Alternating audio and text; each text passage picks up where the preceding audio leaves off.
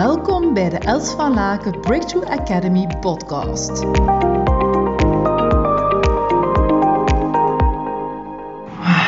Ja, dit uh, denk ik zal toch een van mijn meest kwetsbare podcasts ooit worden. Um, ik vind het afgelopen jaar niet altijd zo gemakkelijk om echt uh, de pijn goed te voelen, uh, zonder in contact te zijn met anderen. En ik had dat nu echt uh, met mijn fantastische vriendin Eva. En ik vond dat dat toch zo belangrijk was om daar iets over te vertellen tegen jullie, dat ik ook vanuit deze emoties en deze pijn deze podcast opneem. Um, zoals jullie weten, of sommigen van jullie weten, is mijn mama gestorven in november. En um,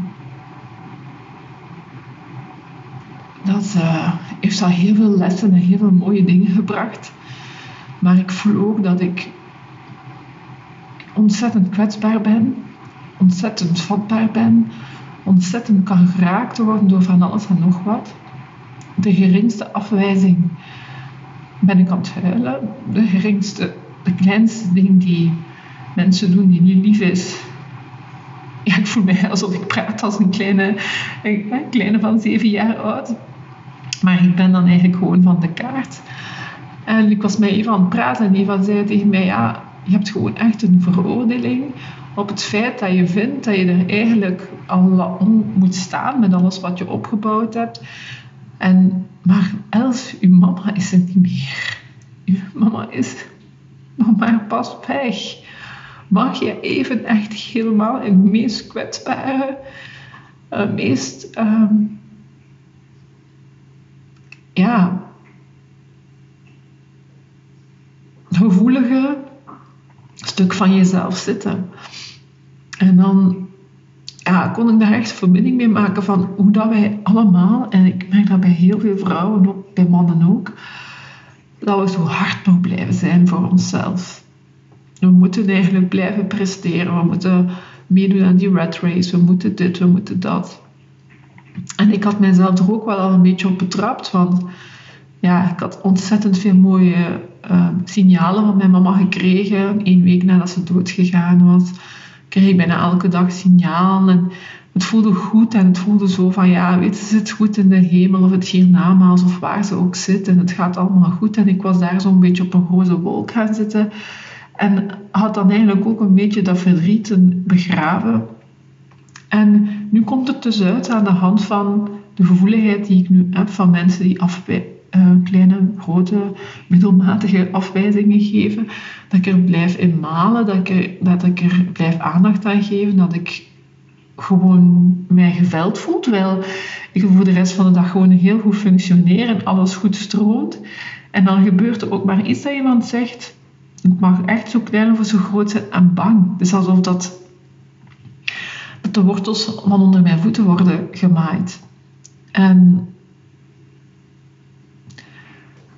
Ja, gisteren zei dat man ook, en, en rationeel heeft hij ook gelijk. Hij zei, ja, maar focus je toch gewoon een keer op het positief. En ik wil helemaal geen aandacht geven aan wat die vrouw bijvoorbeeld zegt. Hè. Het is uh, duidelijk hoe dat ze erin staat. Je hebt haar proberen helpen. Ze wil niet geholpen worden. Uh, laat het gewoon gaan. Ik ga me nu focussen, zei op de twee kinderen. En uh, ik moest dan eigenlijk naar de muziekles. En hij zei, ik ga nu gewoon plezier maken met de kinderen. En hij heeft zo gelijk. En dat is ook hoe dat ik erin zit en hoe dat ik naar het leven kijk. En ik vond het heel fijn om met Eva te praten, want ze zei nog maar eens tegen mij. Uh, maar en Els, mag het er ook gewoon een keer helemaal zijn als jij toch voelt dat, die, dat je geraakt wordt tot het diepste van je hart. En, dat is ook omdat ik... Ik wil... Dat is niet het leven waar ik voor sta. Ik sta niet voor een leven waar we elkaar pijn moeten doen. Ik sta niet voor een leven waar we um, negatieve dingen over elkaar moeten zeggen vanuit een judging manier. Ik sta ervoor dat we als volwassenen gewoon prettig met elkaar kunnen praten. Um, dat we dat kunnen formuleren op een constructieve manier. Dat de ander echt kan binnennemen zonder zelf in dat stuk te moeten gaan van dat hij niet oké is. Um, en als dat dan toch gebeurt dat mensen dat doen, even een Kleenex erbij pakken. En als dat toch gebeurt dat mensen dat doen, op die judging manier, ja, dan voelt het zo ver weg van wat ik, waar ik voor sta ehm, op dit moment in mijn leven en voor de rest van mijn leven. Dus gisteren heb ik dat ook geobserveerd, zelf bij kleine kindjes van acht jaar. En dan denk ik van, dat is toch echt niet nodig. Kunnen we niet gewoon plezier maken met elkaar? Kunnen we het gewoon niet leuk hebben met elkaar? Kunnen we gewoon niet elkaar stimuleren? Kunnen we niet elkaar gewoon het beste voor elkaar willen? Elkaar stimuleren, elkaar helpen groeien? Waarom moeten we, waarom moet dat negatieve er zijn? Waarom moeten we elkaar af, um, um, ja, hoe zeg je dat? Naar beneden halen? Uh, waarom zouden we moeten schelden?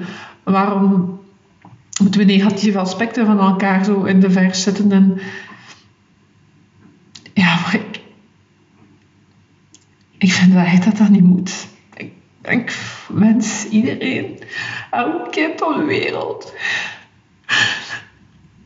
hoe groot, hoe klein het ook is, elke mens op de wereld, wil ik gewoon dat je liefde en licht mocht baden, mag, mag opstaan, mag genieten van elkaar en die relaties. Van vertrouwen en liefde en licht en veiligheid met elkaar kunt omgaan. Ik zou echt niet weten waarom dat we negatieve dingen moeten naar elkaar spuien. Ik zie echt niet meer in waarom dat we dat zouden dienen te doen. En ik vind het ook heel pijnlijk om dat kinderen naar elkaar te zien doen. Want dat pestgedrag, dat is echt voor niets nodig. Voor helemaal niets nodig. En dat doet al die kleintjes zo'n pijn. En ze worden dan onzeker, of ze worden boos en gefrustreerd. Ze worden misschien afstandelijk. Of ze worden overmatig geprikkeld. Dus ja, weet je, laten wij als volwassenen het voorbeeld, laten wij het voorbeeld laten zien. Want ze kijken naar ons al die kleintjes, ook al, zijn, ook al heb je geen kinderen, maar de kinderen kijken naar ons. Hoe gedragen wij ons? Hoe zijn wij al dan niet een voorbeeld voor hen? Voor een wereld die verdraagzaam is. Voor een wereld waarbij je jezelf mag zijn. Van, en, dat, en, en dat de ander dat ook mag zijn. Maar dat je wel gewoon vanuit I'm okay, you're okay met elkaar kan communiceren, met elkaar kan interageren ook soms beslist om niet meer met elkaar verder een relatie verder neer te zetten omdat het niet matcht en dat dat ook oké is, zonder dat iemand daar moet uitstappen dat hij niet oké is. En ook dat, ja, dus ik merk gewoon, hè, ik heb mijzelf al zo omringd met allemaal positieve mensen dat ik dat bijna niet tegenkom, die afkeuringen waar ik nu over spreek, het kan echt, het, is het zijn kleine dingen, het zijn helemaal niet zo'n grote zaken. Ehm, en ik weet dat in de wereld buiten hier, wat ik voor mezelf als veilige cocoon heb gecreëerd, voor mijzelf, voor mijn gezin, voor mijn familie, voor mijn klanten, dat daar buiten dat wel anders verloopt. Dus ik kan maar even een, ehm,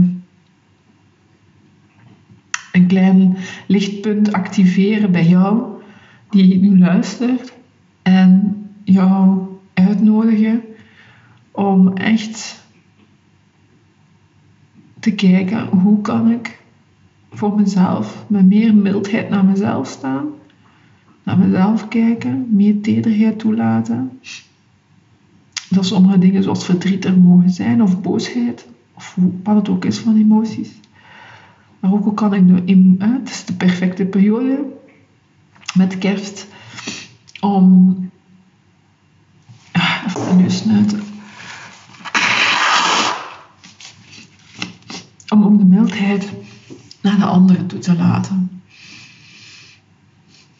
En ik blijf het altijd een hele mooie vraag vinden in plaats van te kijken en te zien hè, waarom doet hij nu zo? Waarom hè, reageert hij nu zo? Naar de vraag wat is jou, hè? wat is jou overkomen waardoor dat dit gebeurt? Wat is jou overkomen?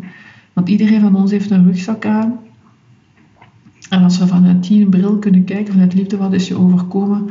Hè, waardoor dat je bijvoorbeeld zo hard dient te zijn, of waardoor dat je zo hè, een judging taal gebruikt, hè, voor de anderen bijvoorbeeld af te stoten, zodat hij jou niet kan kwetsen.